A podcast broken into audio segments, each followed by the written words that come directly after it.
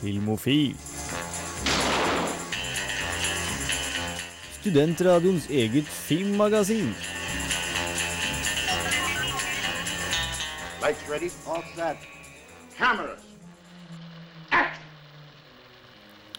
God dag, god dag. Velkommen til Filmofil her på Radio Revolt, FM 100 og 106,2. Vi har litt sånn rolig stemning her, eh, her i dag. Litt vakker musikk i bakgrunnen. Og ja, vi, er, vi har det kos. Eh, dagens konkurranse, så vil jeg vite hvilken film er denne låta fra. Jeg kan gi deg hintet at uh, filma, filmen har samme navn som hovedpersonen i filmen. Så hvis du vet svaret, send et svar, send en mail til filmofil.radiorevolt.no med svar, telefonnummer, navn, og så merker du subjektfeltet med konkurranse. Så har du muligheten til å vinne to mm, åpne kinobilletter til Trondheim kino. Mitt navn er Kristian Valevann, og med meg i studio her er Kristine Eriksen. God dag. Hei. Har du det bra? Ja, kjempebra. Har du sett noe bra film i det siste? Det har jeg. Jeg har vært på kino og sett noe skikkelig bra. Ja, og så hørte jeg du hadde eh, maraton. Eh, Ja, ja. jeg hadde en liten eh, Back to the Future-maraton, som alltid er bra, uansett hvor mange ganger jeg ser de filmene. hvor lenge varte det? Ja, Det husker jeg ikke engang. Vi så ikke hele treeren, da. Så. Men det er faktisk en av de få trilogiene hvor jeg syns treeren er ja, nesten best av alle. Eh, Kanskje ikke så populær mening, men jeg elsker treeren. Eh, Det er så lenge siden det skjedde, så jeg husker liksom ikke hvilken en som er hvilken. Ja, de blander, Det er lett å blande dem, for Ja. de går sånn kontinuerlig. I dag skal vi få anmeldelser av eh, Hugo Cabret, Fuck Up, eh, Nobels testamente og Contraband. Du skal selvfølgelig få ukas filmnytt, ukas serie, ukas filmlåt osv. osv. Først skal du få litt musikk. Her skal du få Here We Go Magic med Make Up Your Mind.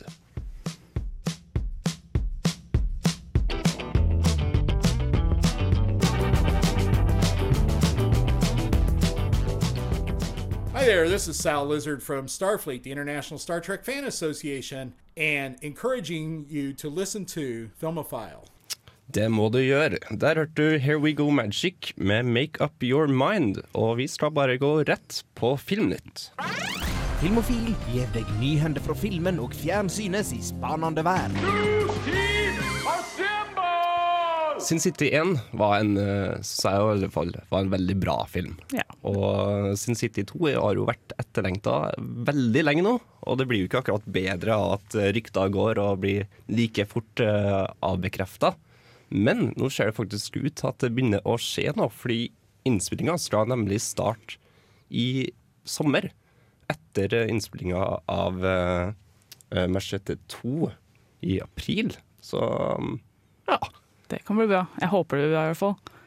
ja. Det kan bli utrolig dårlig. Altså, det er sånn, alltid blandede følelser. Nå har ikke jeg lest noen av de, de tegneseriene. skal Visstnok skal hovedstoryen skal baseres på novella som heter A Dame to Kill For. Og så skal det også en adaptasjon av eh, Just Another Saturday Night og to nye fortellinger fra Frank Miller. Så ja, det kan bli bra. Kristine, hva har du på papiret i dag? Ja, jeg har um, rykter, for det meste. Det har ikke vært så mye konkrete nyheter. Det er den filmen til Warner Brothers, 'Arthur and Lancelot', som jeg antar handler om uh, kong Arthur og hans venn, eller ja, venn og venn, uh, Lancelot. Uh, og da ryktes det at Colin Farrell skal spille Lancelot, og at de også kanskje skal ha med Gary Oldman. Okay. Så det, den var død, den filmen, men nå ser det ut som han kan komme tilbake med bedre skuespillere, så da er tydeligvis ingen budsjett. Men Lancelot ikke han en av de ungguttene? Eller altså en liten pjokk? Nei, altså det kommer jo helt an på hvordan du forteller Ja, historien. Men det- eh, som vanlig er Arthur og Lancelot uh, som brødre, og så selvfølgelig kommer da Gwenoware og er litt sånn Ja. Kommer mellom dem, da. Ja. Uh, men så vidt, altså, de, alle de versjonene av den fortellingen jeg har sett, så har de vært like gamle, så å si. Ja, okay. Da bare blander jeg med en annen historie. Men vi får se om Warner Bros greier å vekke livet til historien igjen. Og så, for de som eh, likte seg litt på 90-tallet med Turtles Ja. Ny eh, remake har endelig fått en dato. Den eh, ja, kan det kalle det, eh, ikke en remake, men en- sånn reinvention da, av, Ja. av uh, filmserien. Reboot. Reboot, ja, kan man kalle det. Uh, Stra kom neste år, desember 2013. 25. desember, for å være litt mer eksakt. Det blir bra julegave, håper vi. Det blir en veldig bra julegave, så vi gleder oss til 2013, desember. Det var det vi hadde for vår første omgang med nyheter. Du skal få mer etterpå, men først litt musikk. Dunes med Jukebox.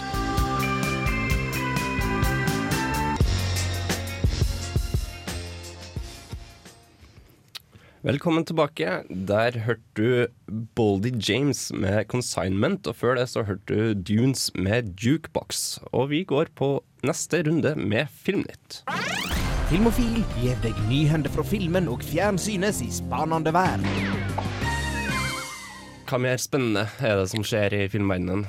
Jo, vi har en uh, nyhet om The Dark Tower, som er en Stephen King-bok som jeg vet at mange er fans av. Mm. Den skulle ja, egentlig gå i uh, bossbånd, holdt på å si. Den eh, Universal hadde scrappa hele prosjektet, men nå kan det hende at Warner Brothers vil kjøpe det opp og beholde Ron Howard som regissør, og kanskje til og med han Javier Bardim som ja, en eller annen rolle, jeg vet ikke. Så det- kanskje? ja, forhåpentligvis. Han, han, Han er veldig flink som skurk, i alle Ja, fall. han er, så det, det kan bli Dark Tower-film. Ja. Hvor, hvor mange Stephen King-filmer finnes det egentlig nå? Jeg, jeg føler at det er ganske mange av de. Ja, men det er jo mange bøker, da. Så Ja. ja. Han Er det produserer noe- jo som en gal. Ja. Så Mm. vi får se om eh, Dark Tower blir noe å satse på. Eh, åpningsfilmen til Khan har blitt eh, kunngjort. Det er nemlig Wes Anderson sin 'Moonrise Kingdoms' med Bruce Willis og Edward Norton. Eh, det er en film som handler om eh, to kjærester på 60-tallet som stikker hjemmefra, og så blir det en sånn stor lite aksjon. Så det høres ut til å være et drama Ja. of some kind. det kan være bra. Hvem var det du sa var med? Eh, Bruce Willis og Edward Norton. Ja, det, De to tror jeg aldri har sett sammen, egentlig. Mm, Nei, Kan ikke tenke meg nei, jeg tror ikke det. Det kan bli spennende. Ja, det er, det er veldig to forskjellige skuespillere. Ja. Bruce Willis er litt mer action, mens Edward Norton er litt mer sånn drama. Han kan være ganske bøff, han òg, det vet vi jo. Det, det kan han absolutt. Så hvis du vil få meg Khan, så starter det 16. mai og varer vel i 11 dager, tror jeg. Ja, det er Noe Så følg med i mai. Og eh, siste nyhet er at 24-filmen Mm. kommer eh, kanskje ikke Eller den har blitt utsatt. Men eh, som plaster på såret så ryktes det at det kan bli en trilogi. At, det, at scriptet er satt opp sånn at det skal komme to til. Så hvis Ja, de først får lagd den første, så kanskje det kommer enda flere. Men de har satt alt på, på vent. da. Men skal det da være tre filmer over på en måte 24 fiktive timer, eller er det 24 timer per film? Det har jeg ikke peiling på, men jeg skulle forhåpentligvis altså at det var 24 timer per film. Da. Jeg synes, for ellers så har du det problemet at, hvis, at de ikke får lagd toeren, f.eks., og så sitter du der med, med hvor mange timer? 24 delt på tre? Altså, Ja, gått eh, fire timer, så bare faen, hva skjer nå? Nei, får vi aldri vite. Nei, det hadde vært surt. Nei, men Vi får håpe at, eh, at 24-filmen blir nå, og kanskje en triologi. Det var det vi hadde av eh, Filmnytt i dag. Etterpå skal du få ukens kinoanmeldelser. Men først litt tunes. Her får du Kari Harneshaug med 'Eat My Words'.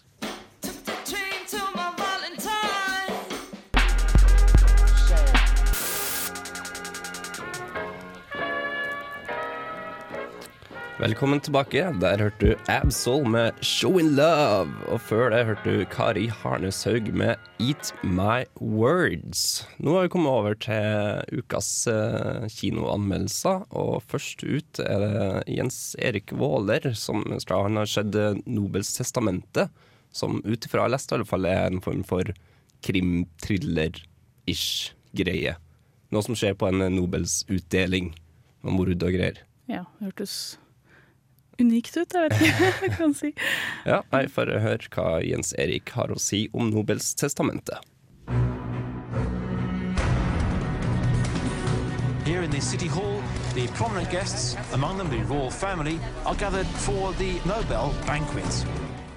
Nobels testamente, basert på Lisa Marklunds roman, er den første i en serie av seks filmer som skal slippes i løpet av 2012. Jeg ville beskyldt svenskene for å ta en Varg Veum akkurat her, men de gjør jo slikt hele tiden.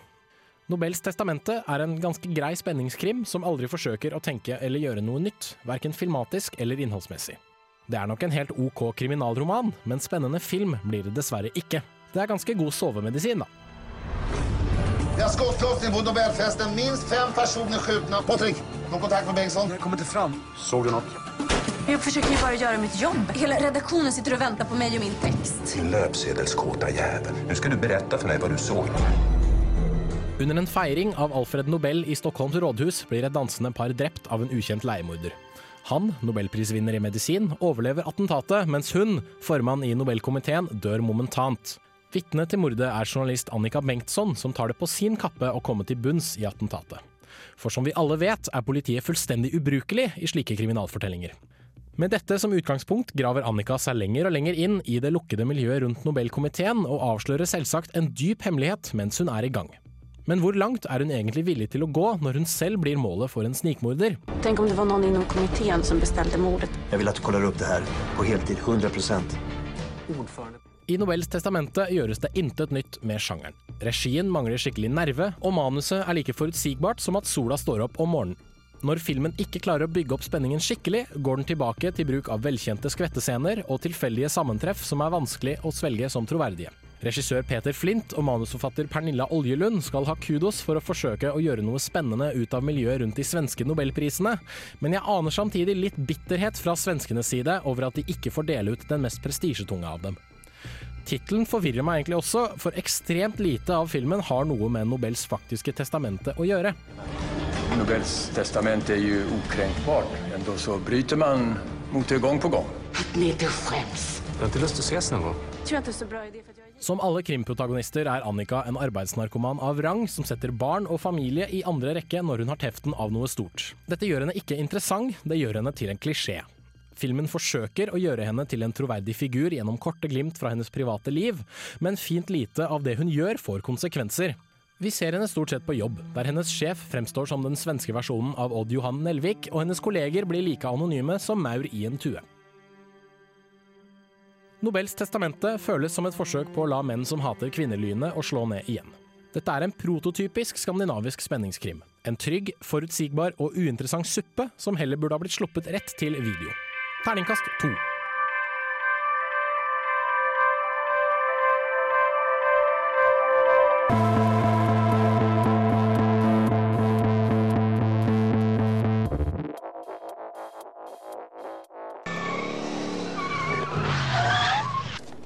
My calculations are correct.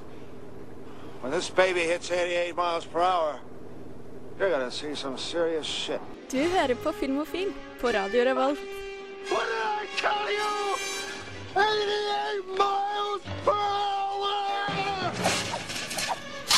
Interwine fikk du der altså med So What, og før det fikk du Jens Erik Waaler sin anmeldelse av Nobels testamente, som var en toer. Det hørtes jo ganske velfortjent ut ut ifra det som ble sagt. Eh, neste film er Contraband, som er ja, dop-ish something med Mark Wahlberg, stemmer ikke det? Jo, det står at det er en, eh, altså en drug lord som skal smugle penger og, gjennom Panama eller noe, så vidt jeg forstår. Det er med gode gamle Marky Mark, så Marky Mark. han blir stadig bedre. Ja, han blir det. Absolutt. Mm. Han, eh, ja, jeg syns han har kommet seg siden, siden Marky Mark-perioden, men ja. det legger vi på hylla. Så vi får bare høre hva Gaute Eliassen har å si om Contraband. You were the best of the best. But the proudest day of my life was when you turned legit. You started a family and you got out of the life. Mark Wahlberg spiller en tidligere ekspertsmugler navn Chris Farasay. Sine kriminelle glansdager har han lagt bak seg, og han lever nå et lovlydig liv med sin kone og to barn. Men når hans idiot av en svigerbror, til tross for Chris' sine advarsler, prøver seg som smugler, ender han om med å måtte dumpe smuglergods i havet, og hele oppdraget går dermed i havet. Det her setter både svigerbroren og hele hans familie i livsfare, og Chris må derfor gjøre et siste smugleroppdrag for å få ting tilbake på rett kjør. What's going on? Chris, come home. It's my brother. What happened, Andy? I was running something, and I dumped the package. When I stopped doing runs, you promised me you're gonna stay out of this. They're gonna kill me. They're not gonna kill you. Contraband har et relativt velkjent plottutgangspunkt. En pensjonert kriminell som er ekspert i sitt felt, må gjøre ett siste oppdrag. Dette oppdraget er selvfølgelig mye vanskeligere og mer omfattende enn hans tidligere oppdrag, og mye står på spill hvis han ikke får tak i byttet. Hvordan skal han klare å få tak i byttet? Hvordan skal han klare å rømme? Og hvordan skal han klare å ikke bli oppdaga av politiet? Dere fatter skissa. Det her bringer ikke noe nytt til actionsjangeren, og det blir stående som en atter en sjelenes film som fort kommer til å gå i glemmeboka. I was hoping you understand it's family. Maybe we could work something out. I'll give you two weeks. If not, I'm gonna come after the both of you. I'll come asking your wife for it, your kid. You think you're the only guy with a gun? Have you ever mentioned my wife and my kids again? Oh, done. Filmen kan ikke sies å være direkte kjedelig. Tempoet er høyt og stødig, det er spennende å følge med på. Karakterene fungerer bra, og Giovanni Ribsey gjør en meget kul rolle som den totalt gærne, utragerende og hemningsløse badguyen Tim Ribs. Contraband kan på en måte sammenlignes med en episode CSI. Det er greit å se på hvis det kommer på TV, men du har aldri gått og sett en episode CSI på kino. You know what's gonna happen if you don't pay? You know the rules, right? I gotta try to fix this. Trust me, I know what I'm doing. So what are we running? Currency? 15 million on four stacks. It's like the size of a Mini Cooper. Where are you gonna hide it? Where is the faith? Oh, I lost my stripes now. I gotta start from scratch. Det som er hovedproblemet, er den store mangelen på originalitet. Den klarer på ingen måte å skille seg ut. Kontraband har alt en actionfilm skal inneholde, men tilføyer overhodet ingenting nytt i sjangeren. Terningkast tre. Have you ever been convicted of espionage, sedition, treason? Together? They're running something on my ship. Could be big. Takes money to make money. Está bueno. No, it's no bueno.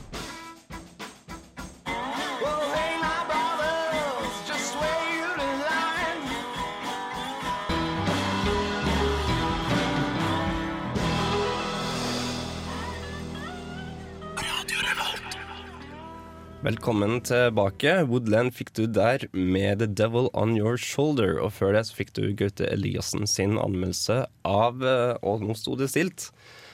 Oh, Contraband. Contraband. Det var en terningkast tre, altså. Eh, neste film ut er den norske filmen Fuck Up. Eh, den har jeg vært og sett.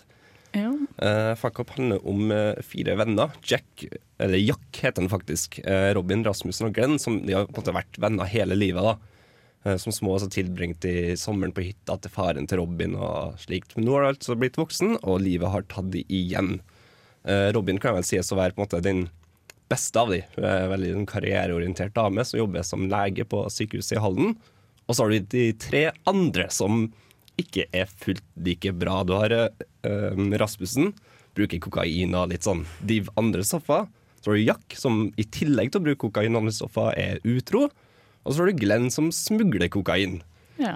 Så en liten sånn funky vennegjeng. Uh, på vei tilbake til Norge med 3,8 kilo kokain i bagasjerommet, så blir Glenn utsatt for et, uh, en bilulykke. Og politiet finner selvfølgelig kokain, og så sprer det seg litt angst hos eh, vennene hans, da, fordi de har lånt en penger, ganske store pengesummer, som han har brukt til å finansiere dopet. Så de bestemmer seg for at de må kvitte seg med bevismateriale, samtidig som det er noen svenske doplangere som savner bevismateriale. Og alt viser seg til å bli en, selvfølgelig en stor fuck-up. Ja. Derav tittelen. Ja. Uh, og som det kanskje da ligger litt i um, kortene, så er Fuck Up en komedie om fuck-ups. Uh, personlig så er jeg, jeg er veldig glad i sånne filmer der, liksom, der alt kan gå galt. Det går galt. Sånn, Murphys law. ja. ja. og så Hva den? Med um, Robert Downey jr. Uh, Due Date. Ah, ja, du- på, det er, sånn, Ja, ja, det er en film der Det som kan gå galt, det går galt. Og det er morsomt. Men Fuck Up er på et litt mer realistisk nivå. Um, har jeg likt veldig godt med filmen, egentlig. Men det, er også, Den er jo overdrevet. Men det er sånn at du tenker at på en veldig bisarr dag så kunne det her ha skjedd. Men er det eh, Altså det er norsk eh, alt eh, Altså skuespillet og produksjon og sånne ting? Ja, så vidt jeg vet. Er det liksom, med sånn type film så må du ha et visst budsjett for å virkelig få ha morsomme stunts og sånne ting, føler jeg da. Ja, det, Er det, filmen så ut til å eh, ha blitt spytta i en del penger. da. Det var, Produksjonen var veldig god. Um, Foruten de her, liksom, det her fokuset på fuck-ups og sånt, så er- handler filmen også om vennskapet til de her fire, selvfølgelig. Eh, de har jo vært venner siden de var små, og fuck-up viser liksom hvor sterkt et sånn vennebånd kan være. da. Som er liksom, Du får morsomme tilbakeblikk på deres barndom, og du får innblikk i hver enkelt personlighet og eh, kameratskapet deres. Jeg syns filmen greier å liksom danne en veldig god, en god vennegjeng, rett og slett. Altså det er liksom sånn, sånn Goonies for voksne. Goonies? Ja, altså. Nei, men sånn uh, Super 8 har du kanskje sett?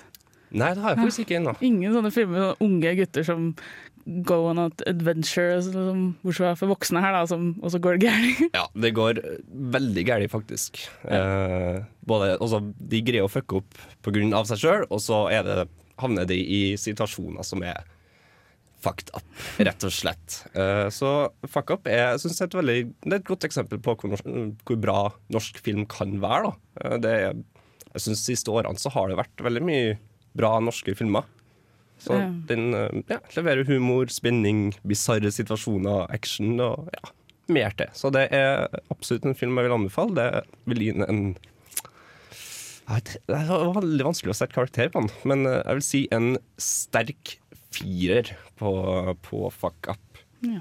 Der, altså. Det, Eh, kan jeg spørre én ting? eh, Ja, ja, Drar de over, eh, er det over Svinesund de Kjenner du igjen noen steder? Det er alltid gøy med norske filmer, synes jeg. At jeg kjenner igjen Nei, jeg har liksom ikke, har ikke vært i Halden eller ja. Jeg helt hvor de dro over til Sverige heller. Men det var, det var ikke så stor fokus på det i filmen. Nei. Han var i Sverige, og så en ja. tilbake, på vei tilbake til Norge med kokainen sin.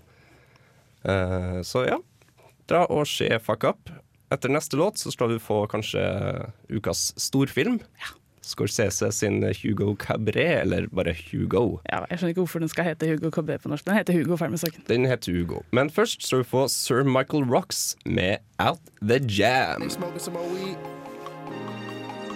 I'm gonna smoke weed after this take. I'm gonna do this take and then go get high. Hei, jeg er eh, Agnes Kittelsen, Og jeg er Aksel Hennie, og det er viktig at eh, dere hører på Filmofil. filmofil. Det er veldig viktig. Hør på Filmofil, så får du med mye bra stoff om film. Som ene jingle må si. Um, der fikk du Sir Michael Rocks med Out The Jam. Og før det så prata vi litt om Fuck Up, nye norske filmen, som ga en eh, sterk eh, firer. Så jeg vil anbefale. Men nå, ukas uh, storfilm. Kanskje den største filmen hittil i år? Ja, det vil jeg tro. Den er bra stor. Ja. Den har jo fått fem Oscar, var ikke det? Men mest for sånn cinematography, eller sånn visual effects og sånn. Ja, jeg husker ikke akkurat hvor mange den fikk, men det var, var en del. Ja, det var mange nominasjoner, og en vant en del også. vil Jeg tror. Så Scorsese er the shit. Så får, du skulle si et eller annet Ja, eh, jeg kan merke meg at eh, det var en liten feil i anmeldelsen. Jeg sa at eh, Hugo uh, Hugos lille partner, da, en sånn jentunge, er, ikke er datter, da, men altså, han er, det er guddattera. da. Jeg vet ikke om du sier det på norsk, men Nei. Han er gudfar. Ja. Ok, Nei, men eh, da har vi det i mente, så hører vi hva Kristina har å si om Hugo.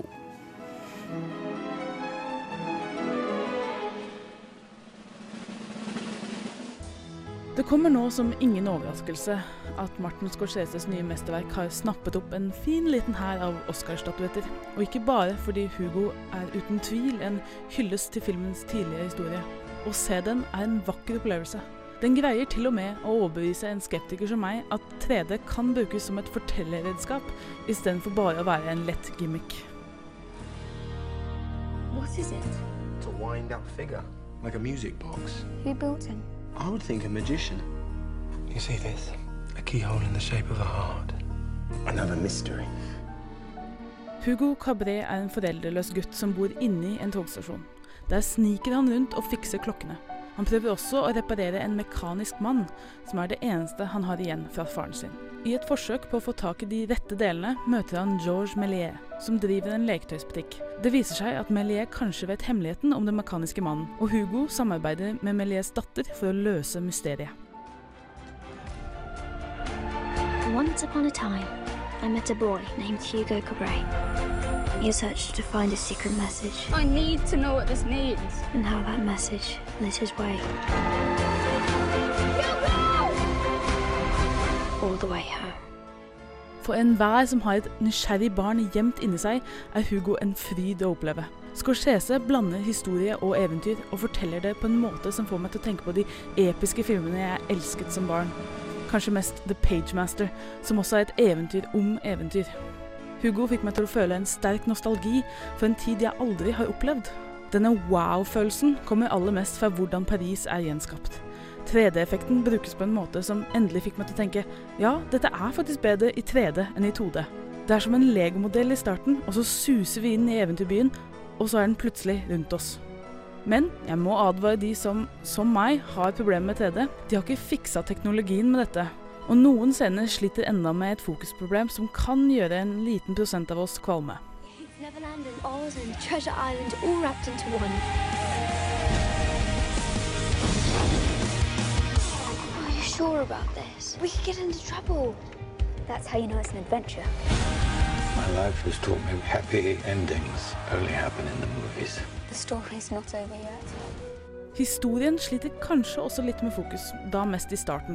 Dette er klart småpirk, men når man vil fortelle en historie om det å fortelle historier, og når den skal inneholde sine egne historier, kunne kanskje en mer kronologisk start ha hjulpet oss. Men det er absolutt verdt å vente til du virkelig har kommet inn i verden. For hvis du legger igjen den kyniske versjonen av deg selv ved døra, vil Hugos kjærlighet for film smitte over. Jeg vil helst ikke si mer om denne filmen, fordi her må nysgjerrigheten bevares for å virkelig bli dratt med. Det må sies at Hugo ikke bare er en film for filmelskere. Den handler like mye om hvordan vi skal huske å drømme som gamle, og å alltid tro på vår egen fantasi. Terningkast fem.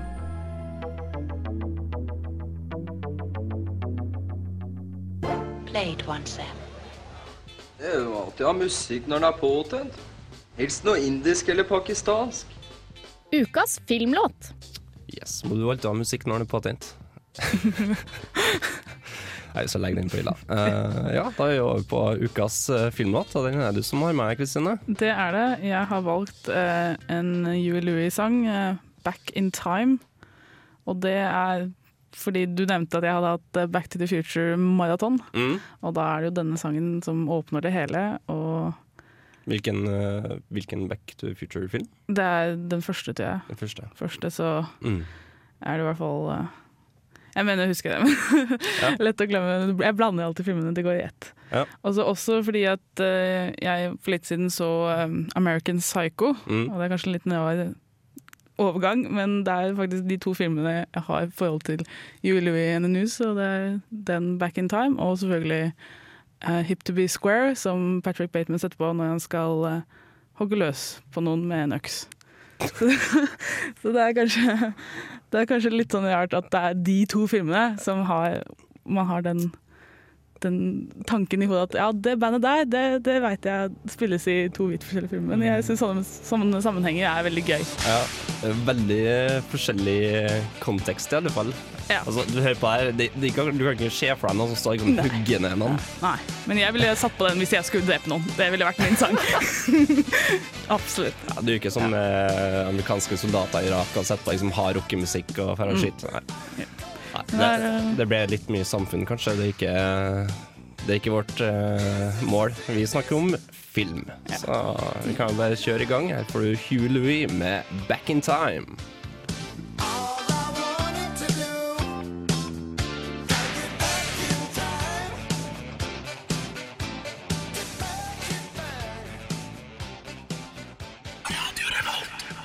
Huey Louie der også, med 'Back in Time', ukas filmlåt ifra Back in Nei, Back, in Time. nei, det heter den ikke. 'Back to the Future' heter den. Ja. Det var den første filmen, Ja, jeg tror kanskje den brukes i alle, i hvert fall i creditsen. Den er ganske Ja. knyttet til den filmen. Sykt funky låt, da. er så bra.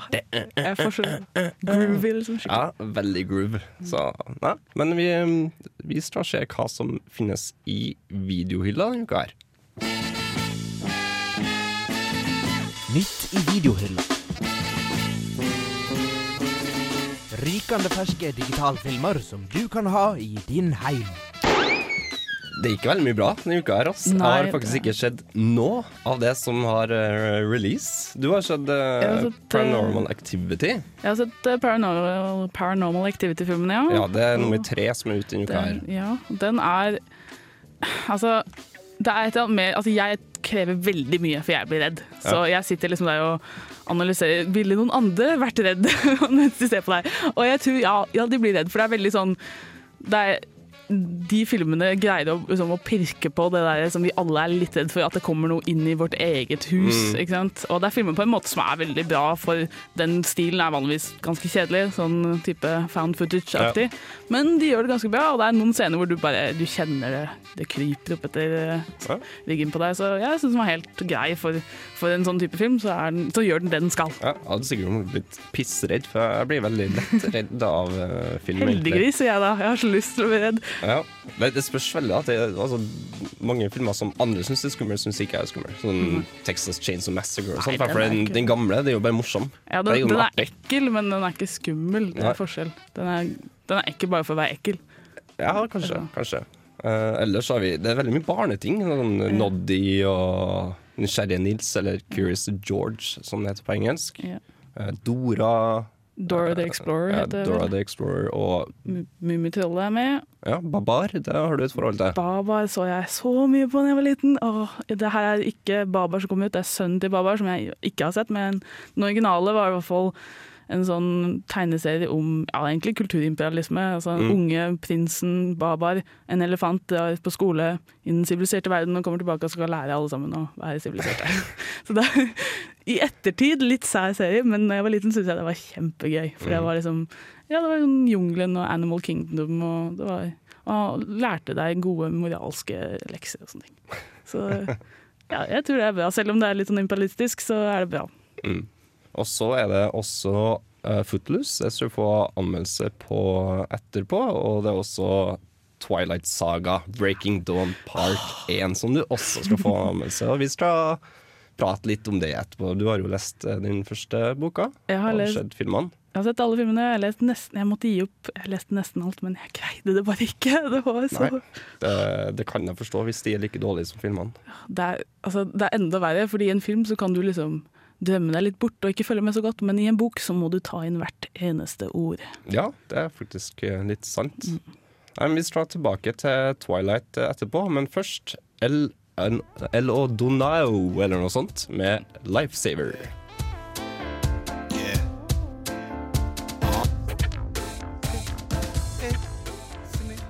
Hei, mitt navn er Arild Andresen. Jeg heter Vebjørn Enger, og du hører på Filmofil. El Donaio fikk du der med Lifesaver. Uh, og vi er fortsatt på ukas DVD og Blu-ray-releases. Vi skal prate bitte litt om Twilight. Fordi Twilight eh, Breaking Dawn del 1 har kommet på DVD og Blu-ray. Ja, gøy. Jeg har sett de, de to første filmene under tvang. I, I hermetegn. Jeg hadde ikke akkurat noe pistol eh, til Ah. hodeskallen min, men det var et sånn kjæresteting. Mhm, vi sier det, vi. Nei da. Ja, vi, vi sier det. Jeg håper folk eh, tror på meg. Fordi det, det, det er ikke noen filmer jeg ville ha sett eh, på, på frivillig basis. Eh, Vi må, vi må jo si at, at selv om det er veldig gøy å hate på Twilight, så skal vi ikke være altså, urettferdige mot dem. Vi må ikke forhåndsdømme dem. Men de er drittdårlige, så det er vanskelig å, å la være. Altså, du, får jo litt sånn uh, fordommer. Hvis, Ja, det eh, hvis du har sett én film, og så skjer neste, så tenker du jo liksom automatisk æsj. Eller hvis du er fan, så tenker du kanskje yay. Jeg tenkte æsj. Ja, altså jeg, jeg ville alltid gi dem en sjanse. Jeg har satt der i kinosalen, jeg har sett alle sammen. Og hver gang så tenkte jeg nå, denne her blir bra, tenkte jeg. denne. Og så Hver gang så blir det sånn at jeg sitter der og fniser med hvem enn jeg ser den med, og vi ler på, alle de, altså vi ler på feil øyeblikk. Vi Ja, ler når ingen andre ler, og alle ser på så hvorfor er, er du her hvis du ikke, hvis du ikke syns det er dritbra? Jeg vet ikke, det har blitt sånn en slags tradi bisarr tradisjon. Yay! Ja, Twilight når man må se. En avhengighet, altså. Ja, det er, altså, det er gøy på at Jeg vil ikke si at vi ser den ironisk, det gjør vi ikke, men det er liksom en slags studie i man, hvordan ikke lage film, rett og slett. Ja, det, det syns jeg er en veldig god forklaring. Ja. How not to do it. Vi får høre hva Jens Erik Våler eh, har å si om Twilight Breaking Dawn del 1. You ready?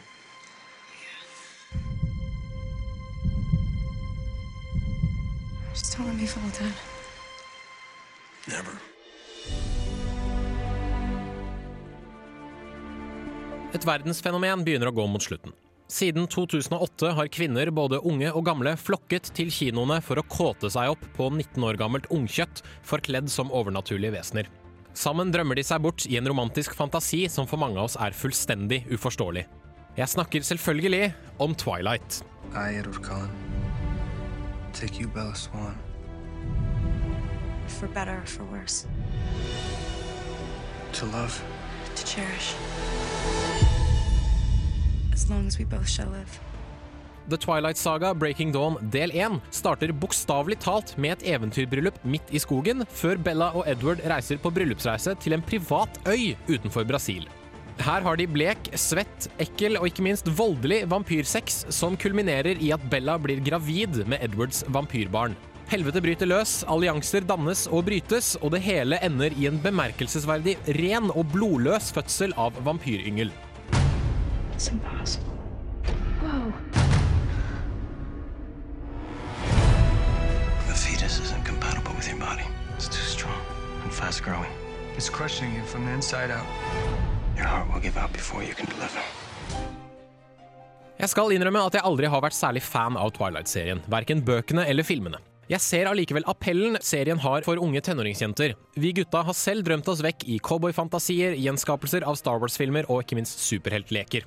Men hvis dette er den store, romantiske, lidenskapelige kjærligheten alle jenter drømmer om, har den blitt representert langt bedre på film tidligere.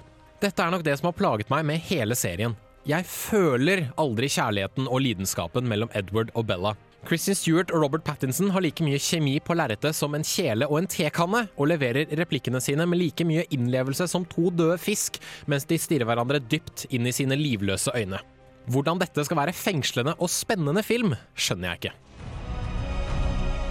Last night was the best night of my existence.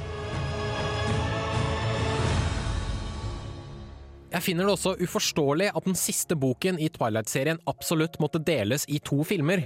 Hadde det ikke vært for en to minutters scene helt på slutten av filmen, kunne Breaking Dawn stått ganske greit for seg selv. Uten denne scenen blir alle spørsmål besvart, de som skal ha hverandre, får hverandre, og den sentrale konflikten blir løst. Det virker derfor totalt meningsløst at de legger opp til en oppfølger, bortsett fra du vet, å tjene penger fra rabiate fans. Allikevel skal jeg tillate meg selv å være litt positiv. Selv om skuespillet og kjemien skralter mellom Pattinson og Stewart, blir jeg stadig fascinert av Billy Burke som Bellas far. Med subtilt og overbevisende skuespill fremstår han som en beskyttende og nervøs mann som frykter det livet datteren begir seg inn i.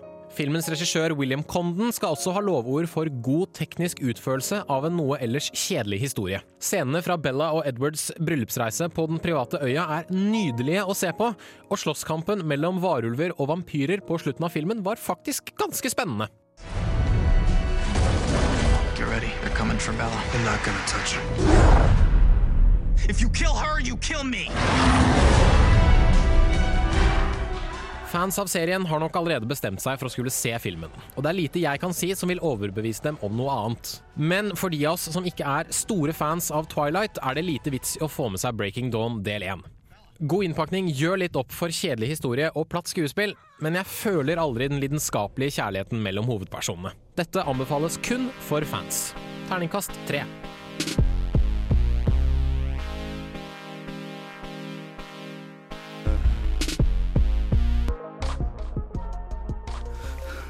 Til, da var vi tilbake.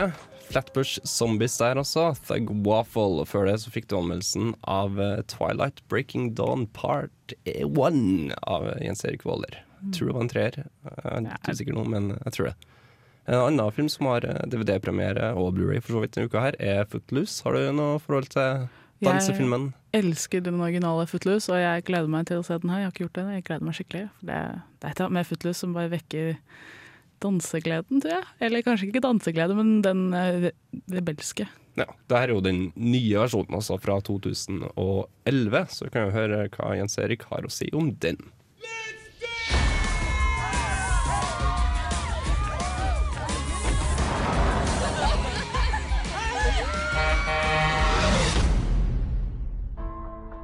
We cannot be missing from our children's lives.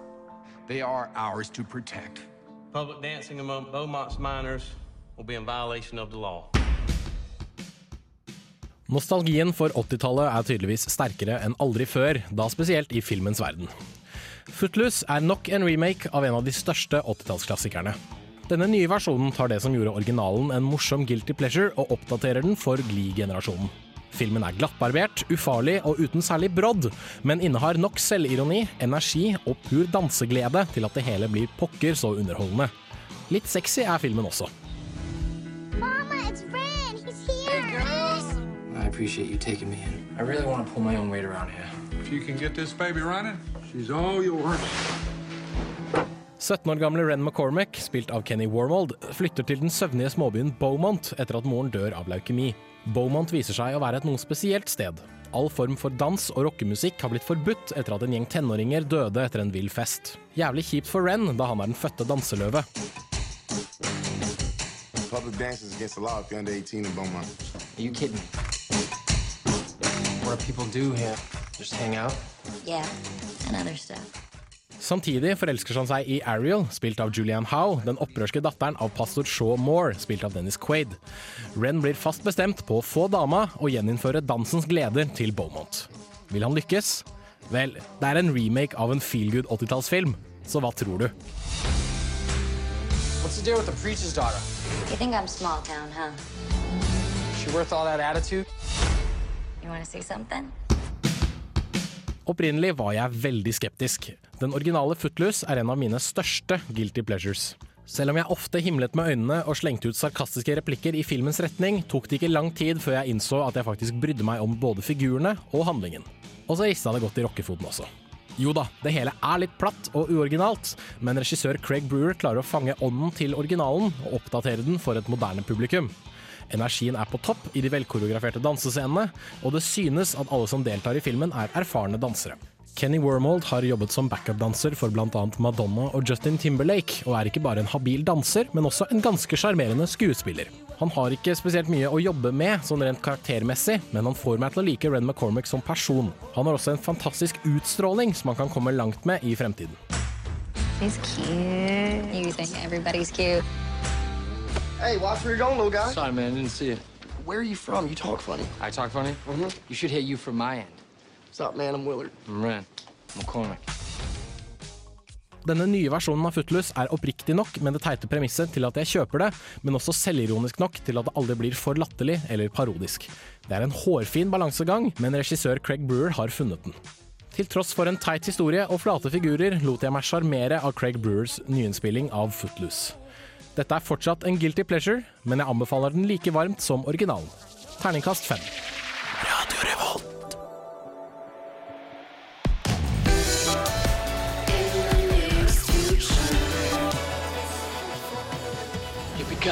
Motherfucker. Du lytter til Filmofil på Radio Revolt. Besøk oss gjerne på våre nettsider på radiorevolt.no filmofil.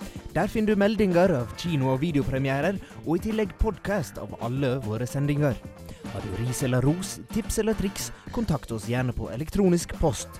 Filmofil, krusedull alfa, radiorevolt.no. Hei! Hei! Det er ikke 90s sitcom-flashback. Ta og Skru på noe annet. Ja, bedre, men prøv igjen. Der, ja! Ahem. Filmofil presenterer ukas serie. Det gjør vi, og i dag så tenkte vi vi skulle prate litt om eh, Jeg vil påstå at det er en ganske så kjent serie som heter Dexter. Ja, den er kan ikke du ta og fortelle våre kjære lyttere hva Dexter eh, handler om? Dexter handler jo om en eh, såkalt forensic expert. Det er vel sånn crime scene investigator. Altså, han er ikke CSI, men han, er, han fokuserer på blodspatter. Ja, Blood Splatter Ja, og Sist. Han jobber i Miami Police sammen med søstera si som er detektiv. Og han heter da Dexter Morgan. Mm. Og i sin fritid så går han rundt med litt sånn jeg vet ikke, kaller- kaller- Ikke vengeance, men han velger ut eh, folk som vanligvis er slemme, og dreper dem, rett og slett. Ja, han går vel rett og slett etter de som politiet ikke har tatt. Litt sånn eh, vigilante justice. Ja, for han har, jo, han har jo liksom tilgang til alt det politisystemet. Eh, Så han eh, tar jo og gjør litt research sjøl og bestemmer seg for at ja, denne her personen har eh, gjort det og det og det, og så tar han livet av det, rett og slett. Ja, han, eh, jeg tror det han, liksom velger, han velger de som han vet politiet ikke kan ta, fordi Mm. de mangler bevis, eller han får tak i bevis på en måte som han ikke kan sette foran en, eh, en dommer. Ja. Eksempel han bryr seg inn et sted og finner ut at det her er morderen, og så doper han dem vanligvis, eh, sprøyte, og så binder dem fast med sånn, jeg vet ikke, sånn Plastikk Ja, av noe slag. plastikk, og så ja, rapper dem opp sånn små pakker, og så stabber dem vanligvis. Med, han liker å vise at, hvem de har drept først. Ja, det er liksom et ritualet hans. Ja, det er veldig, sånn, eh, veldig ritualistisk, hvis man kan si det.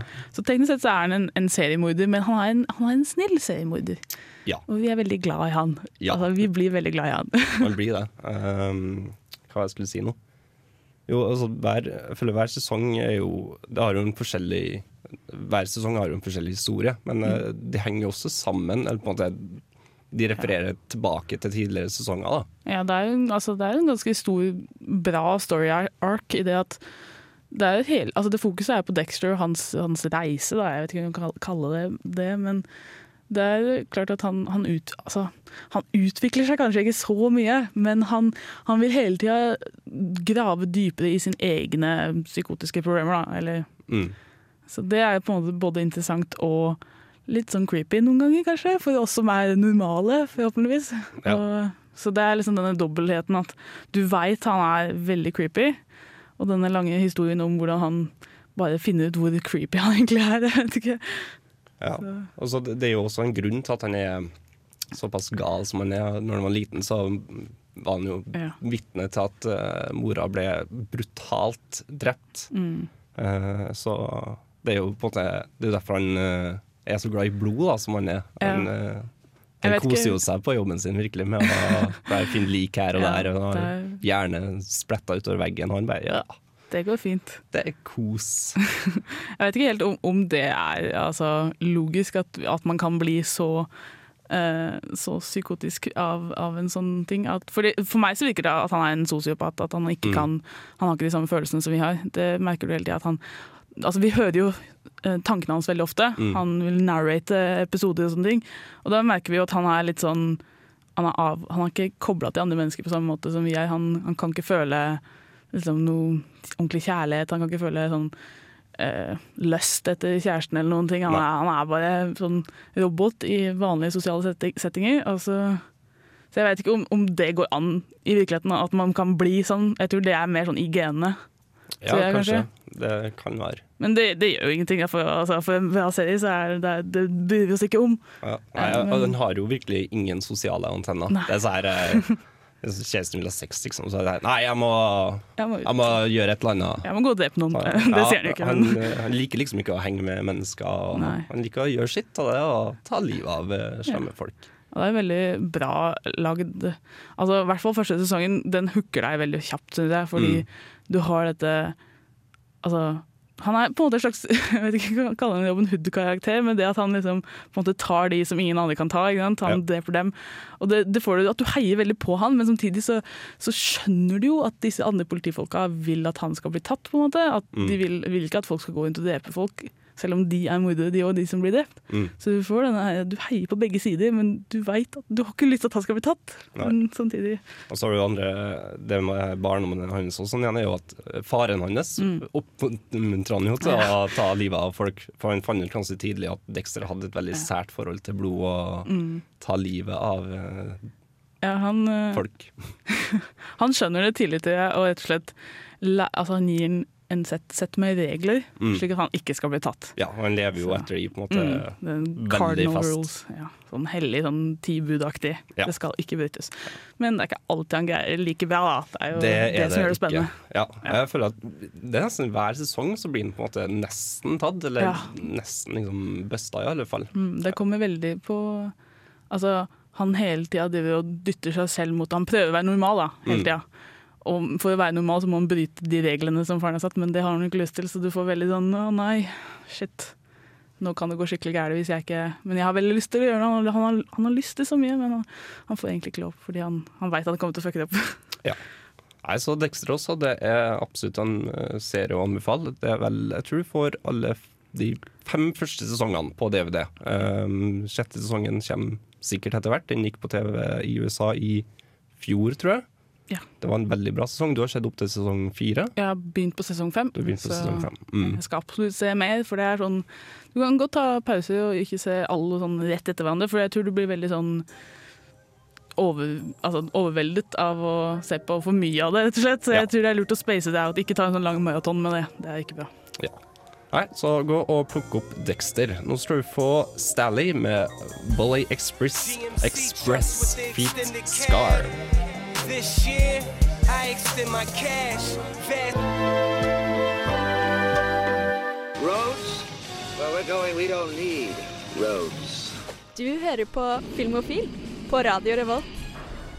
Rye med Open fikk du der, og før det fikk du høre Stally med Volley Express featuring Scar. Vi begynner dessverre å gå mot uh, slutten. Uh, først må vi selvfølgelig nevne konkurransen vår. Eh, vi spilte en eh, låt fra um, en film. Den du hører i bakgrunnen nå, ja. Jeg vil ha svar på hvilken film er denne låta fra. Jeg kan si det at eh, filmen har samme navn som eh, hovedkarakteren i filmen. Det er en det Når jeg hører den låta her, så det, er, det kommer med en gang. Det er sånn der. Det er en, det er en, kan gi et lite hint. Det er en film som alle sannsynligvis har sett eh, i sammenheng med skole. For det er en veldig type film som læreren velger ut for å vise bra film. Så hvis du vet svaret, send du en mail til filmofil etter radiorevolt.no med svar, telefonnummer og navn, og så merker du subjektet med konkurranse. Og så har du muligheten til å vinne to åpne kinobilletter fra Trondheim kino. Vi har anmeldt uh, Hugo, det var en terningkast fem. Ja. Uh, vi har anmeldt Fuck Up, som var en sterk firer. Uh, Nobels testamente var en svak toer fra Jens Erik. Eller en toer, sorry, det var ikke en svak toer. Og Contraband ble gitt en treer av Gaute Eliassen. Så da veit du hva du skal se i helga. Ja, Hugo er vel filmen å se. Eh, ja. Største filmen hittil i år, vil jeg påstå, egentlig. Den er bare søt. Den er bare utrolig søt. Mm. Hør på oss neste uke. Da skal vi snakke litt om Kosmorama, som begynner nå på mandag. Sjekk oss ut på Facebook. Facebook.com slash filmofil. Sjekk oss ut på radiovolt.no slash filmofil. Der finner du podkaster. Du kan også høre oss på Stream on demand vår. Eh, ja, det var alt. Må selvfølgelig takke teknikeren vår, Rune Stana. Han har gjort en fantastisk jobb i dag. Så vi høres neste uke, torsdag.